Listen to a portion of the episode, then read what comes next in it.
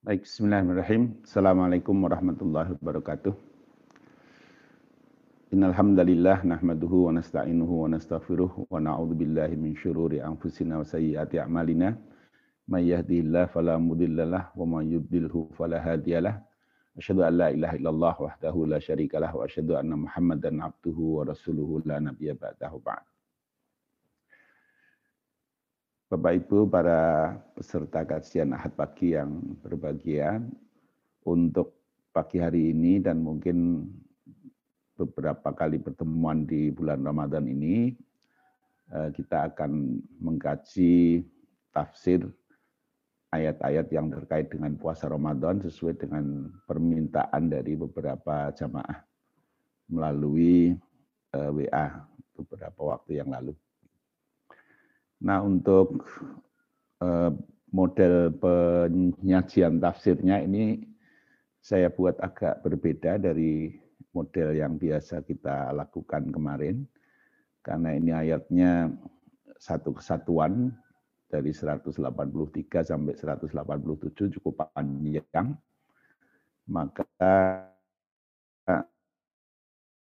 di dalam pengambilan tafsirnya diambil dari tafsir Al-Wasid yang ringkas untuk memberi gambaran sepintas tentang konten dari ayat-ayat itu. Kemudian nanti di dalam pemahaman terhadap ahkam dari ayat-ayat ini baru eh, agak luas. Nah, yang agak luas ini kita ambil dari tafsir Al-Munir. Ya. Minasyaitonir Bismillahirrahmanirrahim saya tidak usah baca ayatnya dari 183 sampai 187. Saya langsung baca ke tafsirnya. Faridatus Siam. Asyamu ahadu faraidil Islam wa arkanihi tahdziban nafsil basyariyati wa taqwiman laha wa hifadhan ala bunyatil jasadiyati wa taqwiyatan lil iradati was sihhati. Jadi puasa adalah salah satu kewajiban Islam dan rukunnya yang merupakan alat untuk mendidik jiwa, kemudian meluruskan jiwa itu, menjaga kepada kondisi fisik kita, dan menguatkan kemauan dan kesehatan. Rawa al-Bukhari Muslim an Abdullah bin Umar radhiyallahu anhuma Imam Bukhari Muslim telah meriwayatkan dari Abdullah bin Umar radhiyallahu anhu qala beliau mengatakan Sami'tu Rasulullah sallallahu alaihi wasallam yaqul. Saya mendengar Rasulullah sallallahu alaihi wasallam beliau bersabda bunyal islamu ala khamsin. Islam itu dibangun di atas lima syahadati Allah ilaha illallah wa anna Muhammad dan Rasulullah syahadat la ilaha illallah Muhammad Rasulullah wa iqamis salah dan menegakkan salat wa ita'iz zakah dan membayarkan zakat wa hajjil baiti dan haji ke Baitullah wa saumi Ramadana dan puasa Ramadan. Jadi hadis ini menjelaskan tentang lima rukun Islam. Ya.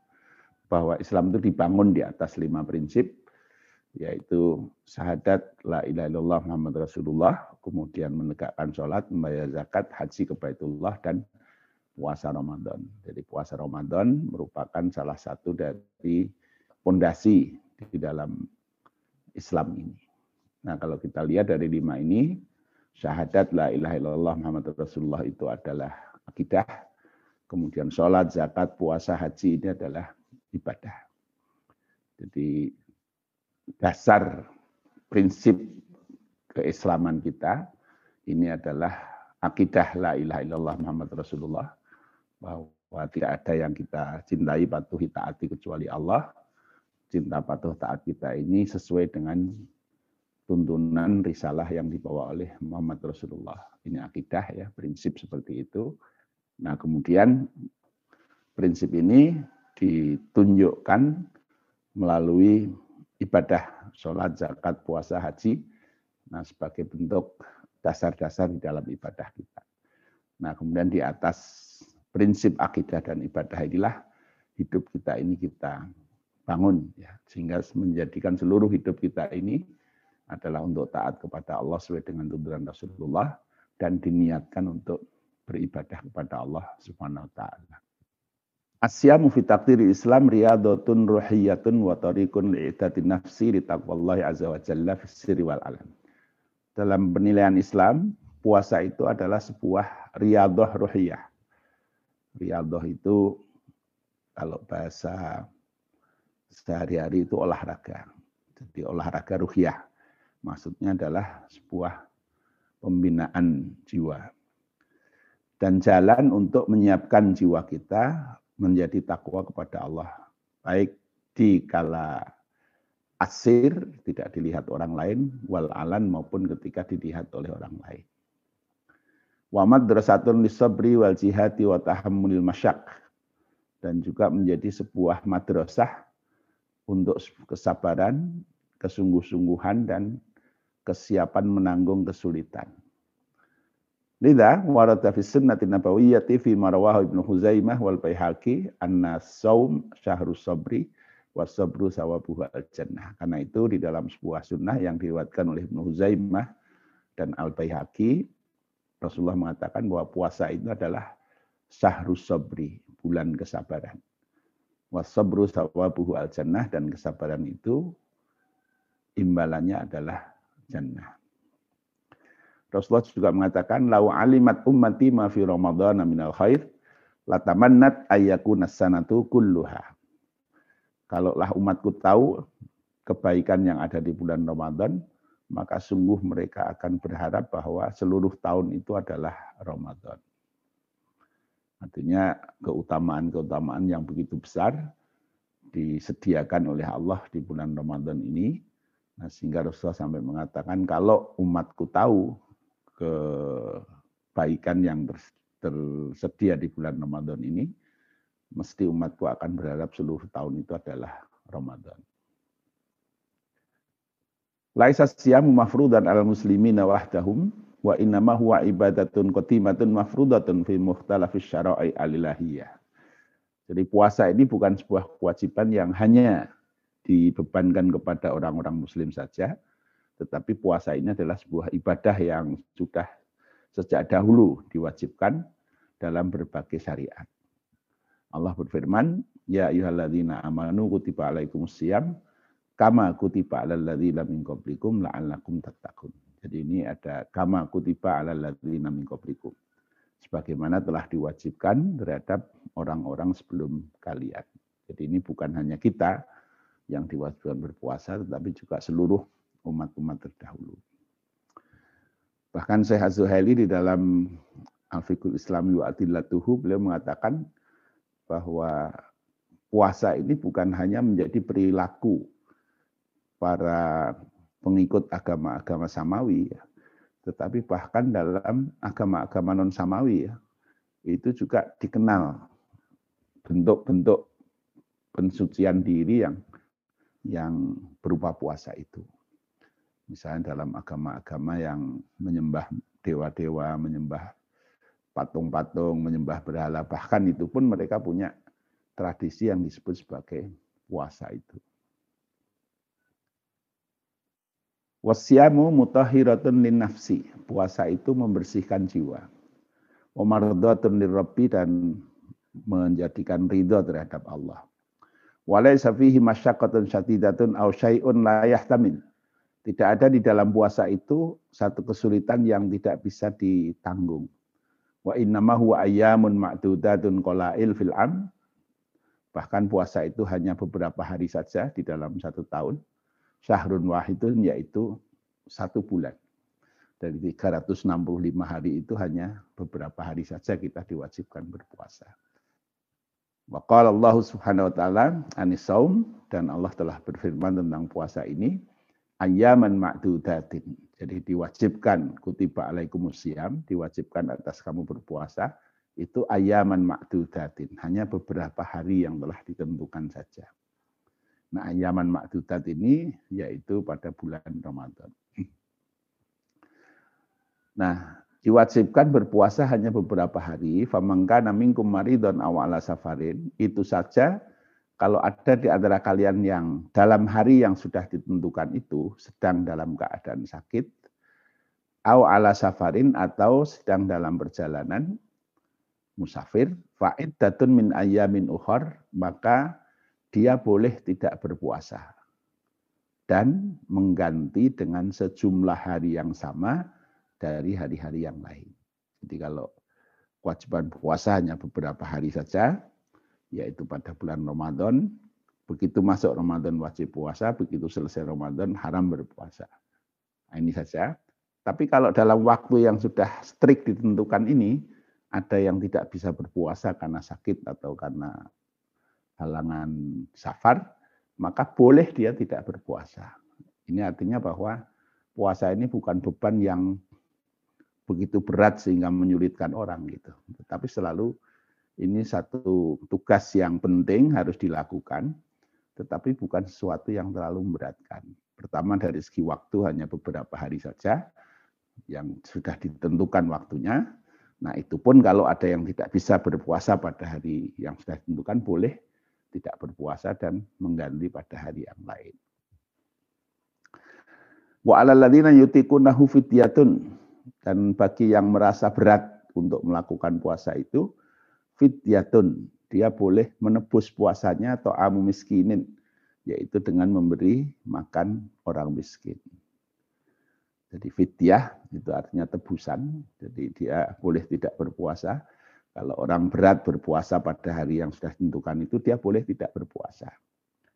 Nah kemudian dia nanti membayar tebusan dengan memberi makan satu orang miskin. Faman tatawa akhiran fahuwa khairun lahu. Barang siapa yang menambah kebaikannya dalam membayar fidyah itu. Jadi tidak hanya satu orang miskin misalnya ya. Tapi dilebihkan fahuwa khairun lahu maka itu lebih baik baginya. Wa antasumu khairul lakum in kuntum dan jika kalian berpuasa maka itu lebih baik ya.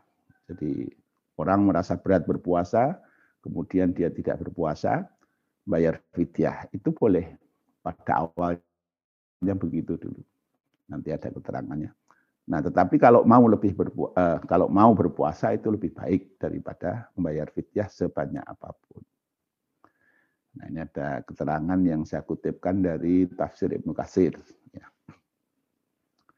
Ruya anna Rasulullah sallallahu alaihi wasallam qatima al-Madinata faja'ala yasumu min kulli syahrin salasata ayamin. Diriwayatkan bahwa Nabi SAW ketika tiba di Madinah, maksudnya berhijrah, beliau melakukan puasa setiap bulan tiga hari. Jadi dulu awalnya puasa itu diperintahkan sebulan setiap bulan tiga hari. Wasoma Ashura dan kemudian Nabi juga puasa Ashura. Summa innallaha faradu alai siyama, kemudian Allah memfardukan atas beliau berpuasa. Wa anzalallahu ta'ala dan Allah menurunkan Ya ayyuhalladzina amanu kutiba alaikumus syiyam kama kutiba alal ladzina min qablikum ila qaulihi wa alal ladzina yutikunahu fidyatun ta'amu miskin. Allah menurunkan ayat tadi ya, surat Al-Baqarah dari 183 184 nah, sampai fidyatun ta'am miskin ini. Fakana man sya'a soma wa man sya'a at'ama miskinan. Maka pada saat turun ayat itu, orang yang ingin berpuasa dia berpuasa dan barang siapa yang ingin memberi makan orang miskin, dia memberi makan orang miskin, fa'adza adzalika anhu maka itu cukup baginya. Jadi maksudnya waktu itu pilihan. Ketika turun ayat 183 184 itu perintah berpuasa itu wajib. Tetapi bagi yang merasa berat ya wa alal ladzina yutikunahu fidyatun. Kalau merasa berat untuk melakukan puasa dia boleh membayar fidyah. Maka ada sebagian sahabat yang memilih untuk berpuasa, ada sebagian sahabat yang memilih untuk membayar fidyah. Nah, itu awalnya seperti itu. Jadi pilihan ya antara berpuasa atau membayar fidyah itu. Karena itu Allah mengatakan di akhir ayat ini wa antasumu khairul lakum in kuntum. Jadi kalau kalian mau berpuasa itu lebih baik. Jika kalian mengetahui tentang keutamaan-keutamaan yang dalam puasa itu. Karena waktu itu masih ada pilihan antara puasa dengan dengan fidyah. Suma inna Allah azza wa jalla anzalal ayat al-ukhra. Kemudian Allah menurunkan ayat yang lain. Jadi setelah beberapa saat Allah menurunkan ayat berikutnya. Syahrul Ramadan alladzi unzila fihil Qur'an ila qaulihi faman syahida minkum syahra falyasumhu. Nah, sampai firman Allah faman syahida minkum syahra falyasumhu. Ya, ini syahrul Ramadan falyasumhu ya. Kemudian barang siapa yang menemui bulan Ramadan itu maka berpuasalah Fa'asbatallahu siyamahu alal muqimis sahih. Maka Allah kemudian mewajibkan puasa Ramadan itu bagi orang yang tidak bepergian, yang mukim, yang sehat.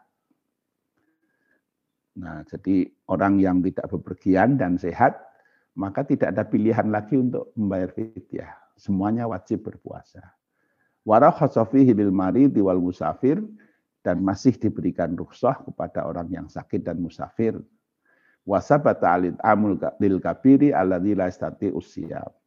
Kemudian fidyah ya dengan memberi makan orang miskin hanya diberlakukan untuk orang-orang yang sudah tua yang sudah tidak mungkin bisa berpuasa lagi mereka masih dibenarkan untuk bayar fidyah. Tapi yang sehat-sehat walaupun merasa berat berpuasa dia sudah wajib untuk berpuasa. Ini juga saya kutipkan dari Ibnu Katsir yang lain. Warawa al-Bukhari an Salamah bin al-Aqwa anahu qala lamma nazalat wa ladzina yutiquna fidyatun ta'am miskin. Jadi ketika diturun ayat wa ladzina yutiquna fidyatun ta'am miskin ini ya. Karena man arata yuftira yaftati. Maka orang yang tidak ingin berpuasa dia cukup membayar fidyah.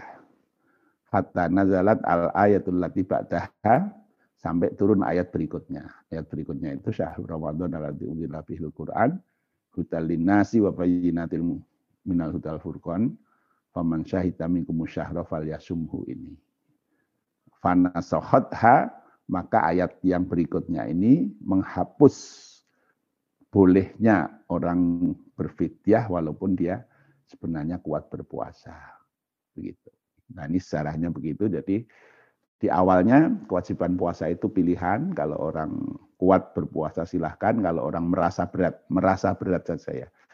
Jadi yute kunahu ini bukan berarti tidak kuat ya. Jadi tokoh itu orang kuat tetapi dengan kondisi yang agak sulit ya. Jadi kalau kuat dalam kondisi mudah itu dalam bahasa Arab namanya wus'ah. Jadi orang kuat melakukan sesuatu dalam keadaan mudah. Nah, kalau tokoh, la tokoh talana eh, di dalam doa kita itu ya, walatu hamil nama la tokoh talana bihi. Nah, tokoh itu orang masih bisa melakukan, tetapi merasa berat. Nah, waktu di awal itu, kalau orang merasa buat berat berpuasa, orang sudah boleh fidyah. Sudah saya tak tidak usah puasa saja, saya tak bayar fidyah saja. Itu asalnya boleh begitu. Tapi begitu turun Faman syaita minkum syahra yasumhu, maka tidak boleh lagi ada pilihan itu. Jadi semua yang sehat walaupun dia merasa berat melakukan puasa, dia harus berpuasa. Nah kemudian fidyah itu hanya diberlakukan bagi orang-orang yang tidak kuat berpuasa, sungguh-sungguh tidak kuat berpuasa karena usia-usia yang sepuh. Gitu. Waqad yassarallahu ata'u 'alan nas dan sungguh Allah telah memudahkan pelaksanaan puasa ini bagi manusia. Fa abaha qada asyami fi ayyamin ukhar lil musafir wal marid wal hamil wal murdi. Maka Allah memberikan kemudahan, membolehkan untuk kodok, ya, mengganti puasa pada hari yang lain bagi musafir, orang sakit, orang hamil, dan orang yang menyusui. Qala Allah Ta'ala ammal ladzina yatahammaluna shaum min masyaqqatin satidatin kasyaikhil fani wal maridi maradan muzbinan fa alaihim fidyatun. Nah, bagi orang yang betul-betul tidak mampu berpuasa atau dia harus berkesulitan dengan kesulitan yang luar biasa seperti orang yang sudah sangat tua, orang sakit yang sudah menetap, maksudnya sakitnya itu sudah sulit diharapkan sembuhnya, maka fa'alaihim fidyatun. Bagi mereka boleh membayar fidyah. It'amu miskinin, yaitu membayar uh, memberi makan orang miskin, satu orang miskin. Nisfa sa'in au muddani min khindatin indal Hanafiyah wa indal jumhur.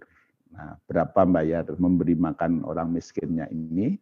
Ini adalah setengah sok atau dua mud dari gandum menurut Imam Hanafi.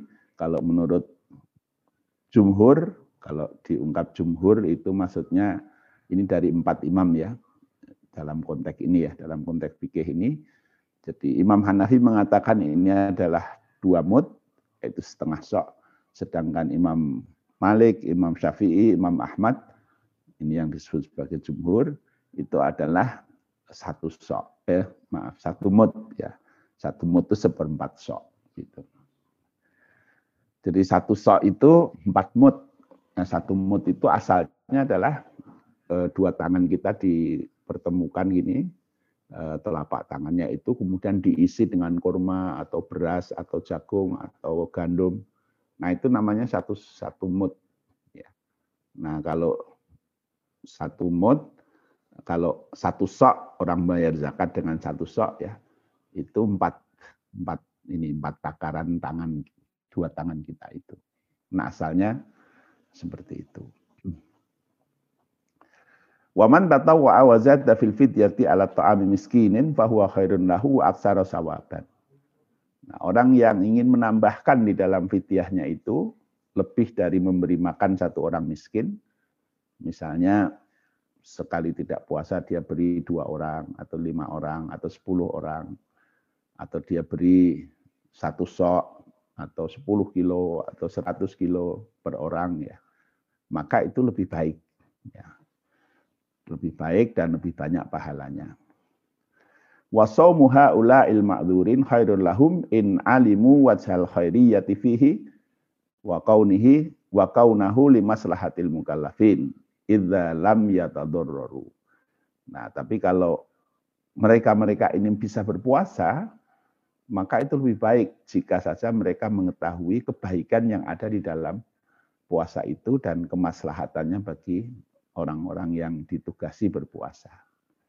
Jadi kalau bisa berpuasa itu lebih baik. Idza lam yatadorroru jika puasa itu tidak membahayakan bagi mereka.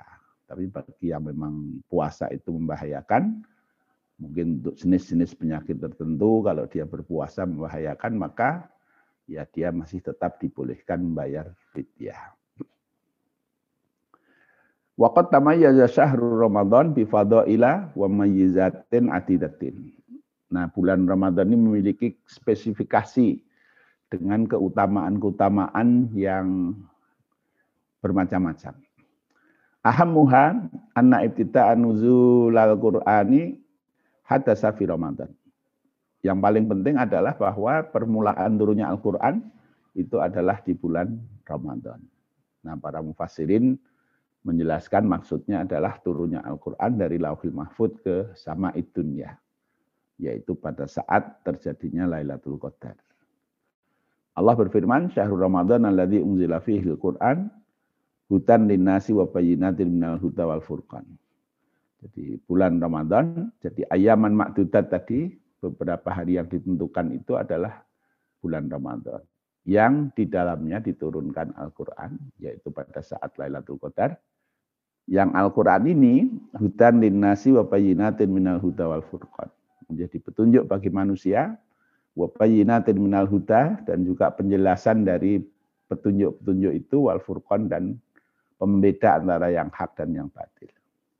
Faman syahida minkum syahra falyasumhu barang siapa yang di antara kalian yang menemui bulan itu falyasumhu maka berpuasalah. Ini satu perintah untuk berpuasa bagi yang menemui bulan Ramadan itu artinya dia dalam keadaan tidak musafir dan dia ketemu dengan bulan Ramadan itu maka diperintahkan untuk berpuasa. Nah, salah satunya adalah karena keutamaan puasa itu yaitu menghargai keagungan turunnya Al-Qur'an yang menjadi petunjuk bagi umat manusia itu. Nah, tetapi perintah untuk berpuasa ini ya tidak mengurangi pemberian kemudahan bagi orang-orang yang memang masih masih berhalangan. Maka Allah menegaskan lagi wa man kana maridan aw ala safarin fa min ayyamin ukhra yuridullah bikumul yusra wa la yuridu bikumul usr. Jadi barang siapa yang sakit atau dalam perjalanan maka dia boleh tidak berpuasa dan mengganti dengan sejumlah hari yang sama dari hari-hari yang lain. Allah menginginkan terhadap kalian kemudahan wala yuridu bikum al usra dan tidak menginginkan kesulitan. Jadi puasa ini bukan untuk mersulit kita, tetapi untuk mendidik jiwa kita supaya kita lebih kuat jiwanya, lebih dekat kepada Allah. Nah, bukan untuk menyulitkan kita, karena itu bagi yang memang berkesulitan diberi jalan kemudahan. Walituk milul ibadah dan supaya engkau genapkan hitungan puasa itu satu bulan penuh maksudnya ya. Walituk kabirullah ala mahadakum wa alakum tashkurun dan supaya engkau agungkan nama Allah atas apa yang Allah telah tunjukkan pada kalian dan agar kalian bersyukur.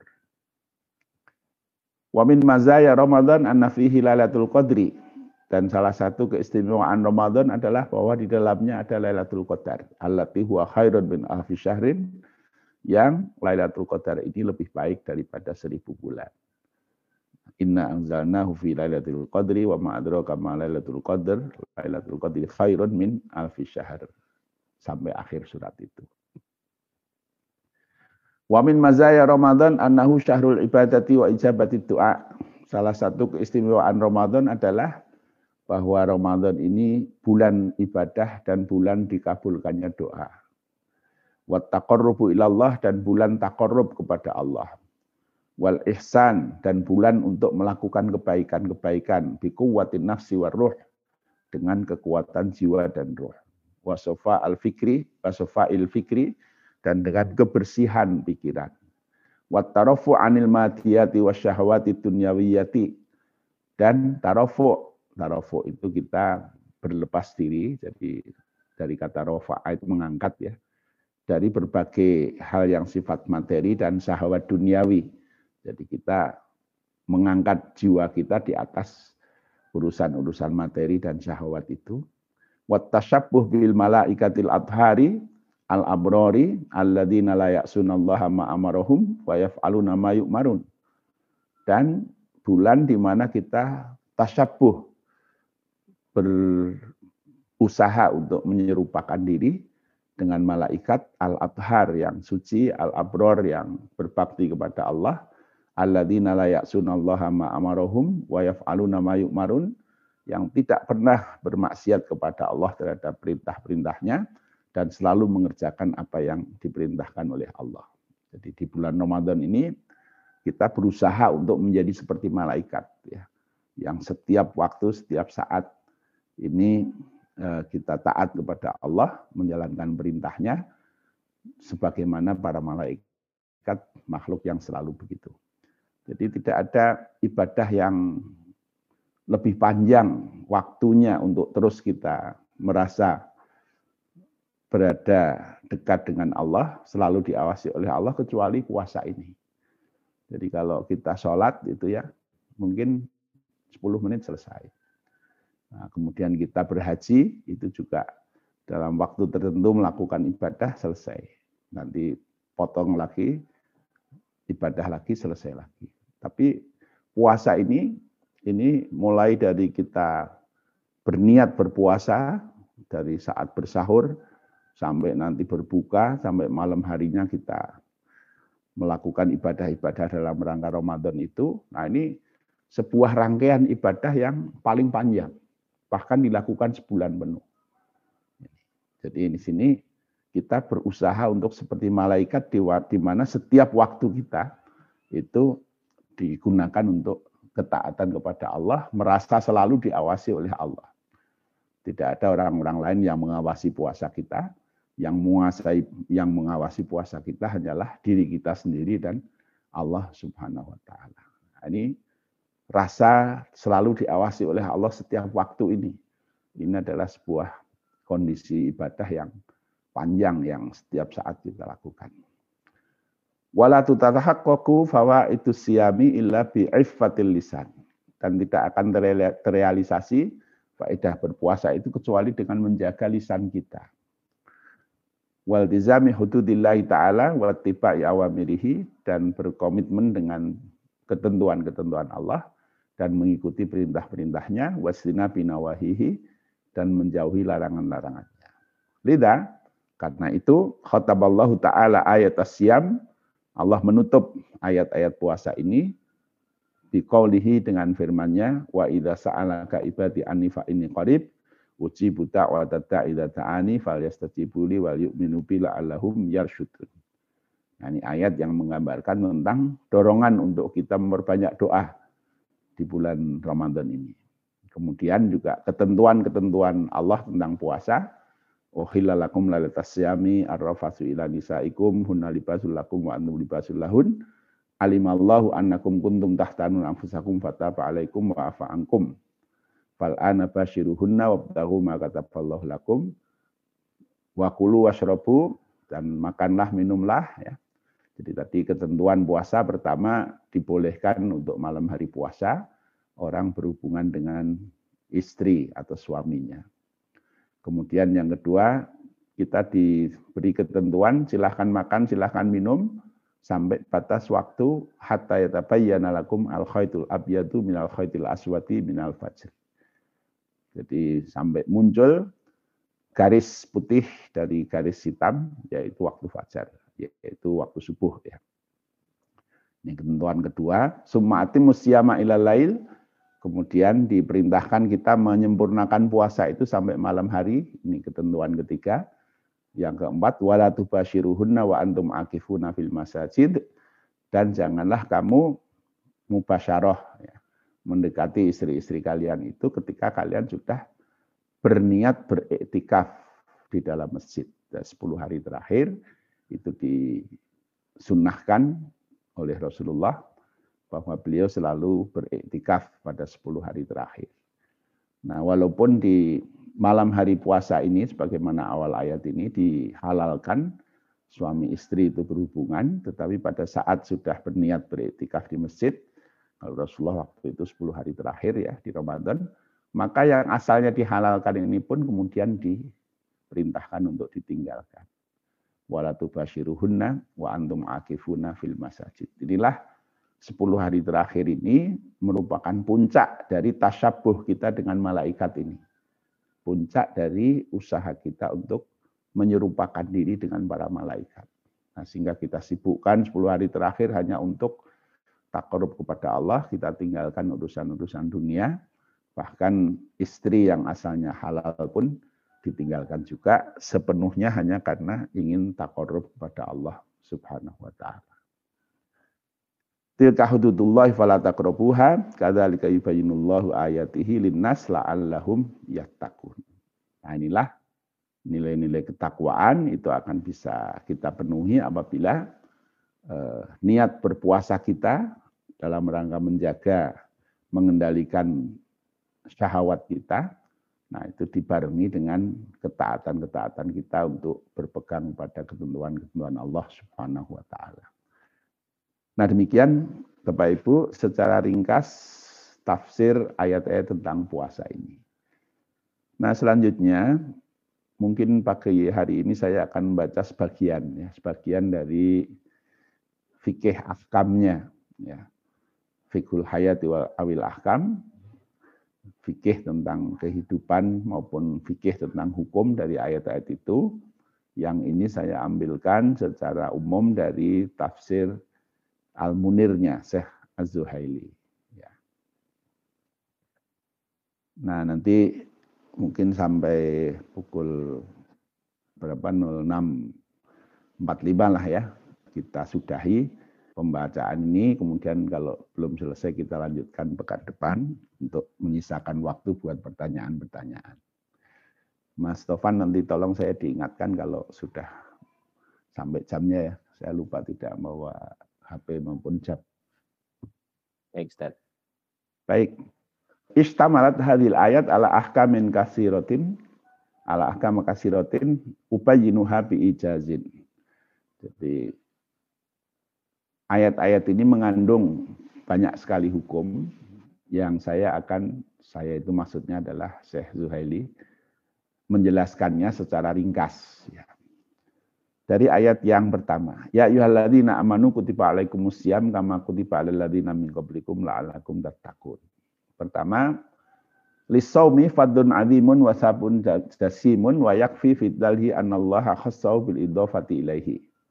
Kama ja'a fil hadisil qudsi alladhi yukhbiru bihi Nabi sallallahu alaihi an rabbih yaqulullahu tabaraka wa ta'ala kullu amal ibni adam lahu illa saum fa innahu li wa ana azibihi.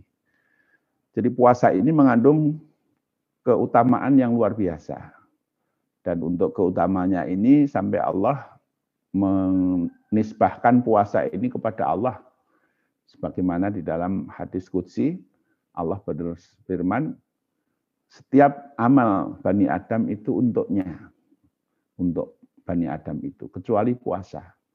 Sedangkan puasa itu li, Fa innahu li wa ana azibi dan aku akan balasinya. Jadi puasa ini sebagai sebuah ibadah ini ada kedudukan khusus di hadapan Allah. Wa tahsisu saum bi annahu lahu ma'anal ibadati kulliha lahu li amraini zakarahuma al-Qurtubi. Jadi kenapa puasa dikhususkan dengan ungkapan puasa itu untuk Allah? Padahal sebenarnya seluruh ibadah juga untuk Allah. Nah ini ada dua alasan yang sebagaimana disebutkan oleh Imam Al-Qurtubi. Pertama, an-nasaum yamna'u min maladhin nafsi wa syahawatiha ma la yamna'u min sa'irul ibadat.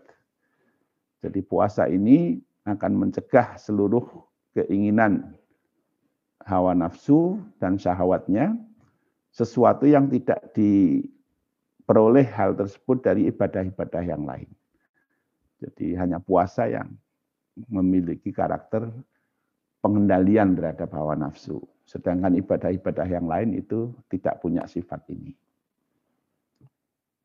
Yang kedua, anasaum sirrun bainal abdi wa baina rabbihi. Nah, puasa ini adalah sebuah rahasia antara seorang hamba dengan Tuhannya. La illa lahu yang tidak tampak kecuali hanya untuk Allah. Fasara muhtasson bihi, maka dia menjadi khusus untuk Allah itu. Wa masih wahu minal ibadat zahirun qad yadkhuluhu riya. Nah, sedangkan ibadah-ibadah yang lain itu zahir kelihatan orang lain itu tahu oh ini orang sedang sholat, oh ini orang umroh, oh ini orang sedang haji, ya, oh ini orang membayar zakat. Ya. Tapi kalau orang puasa itu orang tidak tahu, yang lain tidak tahu apakah dia puasa apa tidak puasa ya. Jadi ini adalah rahasia antara seorang hamba dengan Allah Subhanahu wa taala.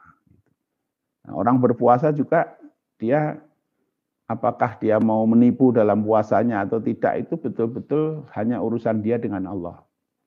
Jadi kalau ada seseorang yang misalnya eh, ketika keluarganya sahur dia ikut sahur tapi nanti ketika siang hari keluarganya pada pergi dia makan lagi. Nah itu ya mungkin orang juga tidak tahu. Ya. Jadi betul-betul kalau dia tetap menjaga puasanya itu karena merasa diawasi oleh Allah Subhanahu wa taala, bukan karena diawasi oleh yang lain. Kalau dia ingin menipu ya dia pun menyadari dia menipu Allah Subhanahu wa taala Jadi ini betul-betul orang bertahan dengan puasanya itu karena rasa keterikatannya kepada Allah taala, bukan karena yang lain-lain. Karena tidak ada petugas pengawas, tidak ada juga eh, sanksi eh, bagi orang-orang yang katakanlah berpuasanya pura-pura begitu ya.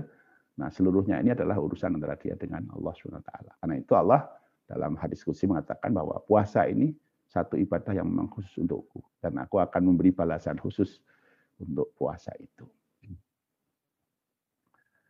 Nah, yang kedua, as-saumu yu'addu linnaf yu'addu nafsa littaqwa. Yu'iddu nafsa littaqwa. Jadi puasa ini adalah menyiapkan jiwa kita untuk ketakwaan. Di qauli ta'ala la'allakum tattaqun didasarkan pada firman Allah taala la'allakum tattaqun agar kalian menjadi bertakwa. Fahuwa sababu taqwa Allah. Jadi puasa ini adalah menjadi sebab ketakwaan kita kepada Allah. Di annahu yumitu syahwat. Karena puasa ini mematikan syahwat. Wali annahu kama qala alaihi salatu wassalam asyamu junnatun wa wijaun. Dan sebagaimana sabda Nabi, puasa ini adalah perisai dan pengekang Ay anasom yudo afu syahwatal jima kama anal wija yaktauha. Jadi puasa itu bisa menurunkan, melemahkan keinginan untuk seksual dan juga menghentikannya. Jadi ini ketakwaan itu akan terbangun ketika puasa kita itu betul-betul mampu mendidik kita untuk mengendalikan hawa nafsu itu. Nah, sedangkan kalau misalnya orang berpuasa tetapi tidak memahami substansi dari puasa ini sehingga dia tidak tidak mengendalikan hawa nafsunya di dalam berpuasa, maka bisa jadi dia berpuasa tapi tidak mendapatkan apa-apa. Sebagaimana Rasulullah firman eh, sabdakan, kam min imin layana lumin siamihi ila atsya wal Jadi banyak sekali orang berpuasa tetapi tidak mendapatkan apa pun kecuali dari puasanya itu ya, kecuali hanya haus dan lapar. Nah ini ketika orang berpuasa tetapi dia kehilangan makna substantif dari puasanya itu. Puasa sekedar tidak makan, tidak minum antara waktu subuh sampai maghrib, tetapi kesadaran membangun pengendalian hawa nafsunya tidak muncul. Ya. Sehingga misalnya tampak ketika berbuka, itu dilepas kembali hawa nafsunya. Sehingga apa saja yang biasanya tidak dia sediakan untuk dimakan, pada saat puasa justru dia sediakan banyak sekali hal untuk dimakan, menuruti kembali hawa nafsunya. Begitu. Nah, ini kebiasaan puasa kita yang saya kira perlu kita evaluasi ya. Jadi sering kali di kita ini kalau berpuasa di bulan Ramadan itu begitu sore hari orang malah menyediakan banyak sekali makanan begitu masuk waktu maghrib itu bukan seperti Rasulullah ketika berbuka itu memberi hak fisiknya dengan kurma dan air putih yang tidak membangkitkan hawa nafsu, tapi justru kita lepas hawa nafsu kita dengan sekian banyak makanan yang di luar hari Ramadan tidak kita miliki. Ada kolaknya, ada jusnya, ada macam-macam yang disediakan. Nah ini puasa ya, orang berpuasa tapi justru pada saat berbuka menunjukkan kehilangan kemampuan dia untuk mengendalikan hawa nafsunya. Nah inilah contoh puasa-puasa yang kamin so imin layanalu min siyamihi ilal asya wal ju'a. Nah, di lebaran ya, orang seperti, bukan seperti malaikat, tasyabuh bil malaikah tadi ya. Tapi orang seperti binatang yang sebulan tidak dikasih makan. Kalau berbuka itu seperti ayam yang sehari tidak makan. Jadi bukan tampak sifat malaikatnya, tapi justru tampak sifat-sifat kebinatangannya. Ketika hari raya, seperti ayam sebulan tidak makan. Nah, yang begini-begini, ini yang menyebabkan hilangnya sifat pengendalian hawa nafsu itu menunjukkan tidak adanya puasa sebagai pengendalian hawa nafsu. Nah, sehingga orang berpuasa sebulan penuh, lapar dari subuh sampai maghrib, tetapi dia tidak merasakan peningkatan ketakwaannya karena tidak menangkap substansi dari perintah puasa itu, yaitu pengendalian hawa nafsu ini. Nah, inilah sesuatu yang harus kita evaluasi eh, cara kita memaknai puasa itu. Jadi bukan sekedar berhenti makan dari subuh sampai maghrib, tetapi kemudian diganti dengan makan makanan yang eh, berlebihan saat maghrib sampai subuh. Ya. Kalau seperti itu ya ini bukan puasa. Jadi itu tidak ada makna puasa di situ. Nah, tapi Rasulullah buka dia dengan kurma dan air putih, kemudian sholat, kalau perlu nanti makan setelah itu. Nah, kemudian nanti 10 hari terakhir dengan etikaf ya, tasyabuh bil malaikah. Nah, pada 10 hari terakhir itu terjadi nuzulul terjadi Lailatul Qadar di mana di situ tanazzalul malaikatu warruhu fiha bi idzni rabbihim min kulli amrin. Saya kira ini dulu, insya Allah pekan depan kita lanjut lagi pada ayat yang berikutnya. Moga silahkan kalau ada hal-hal yang ingin disampaikan.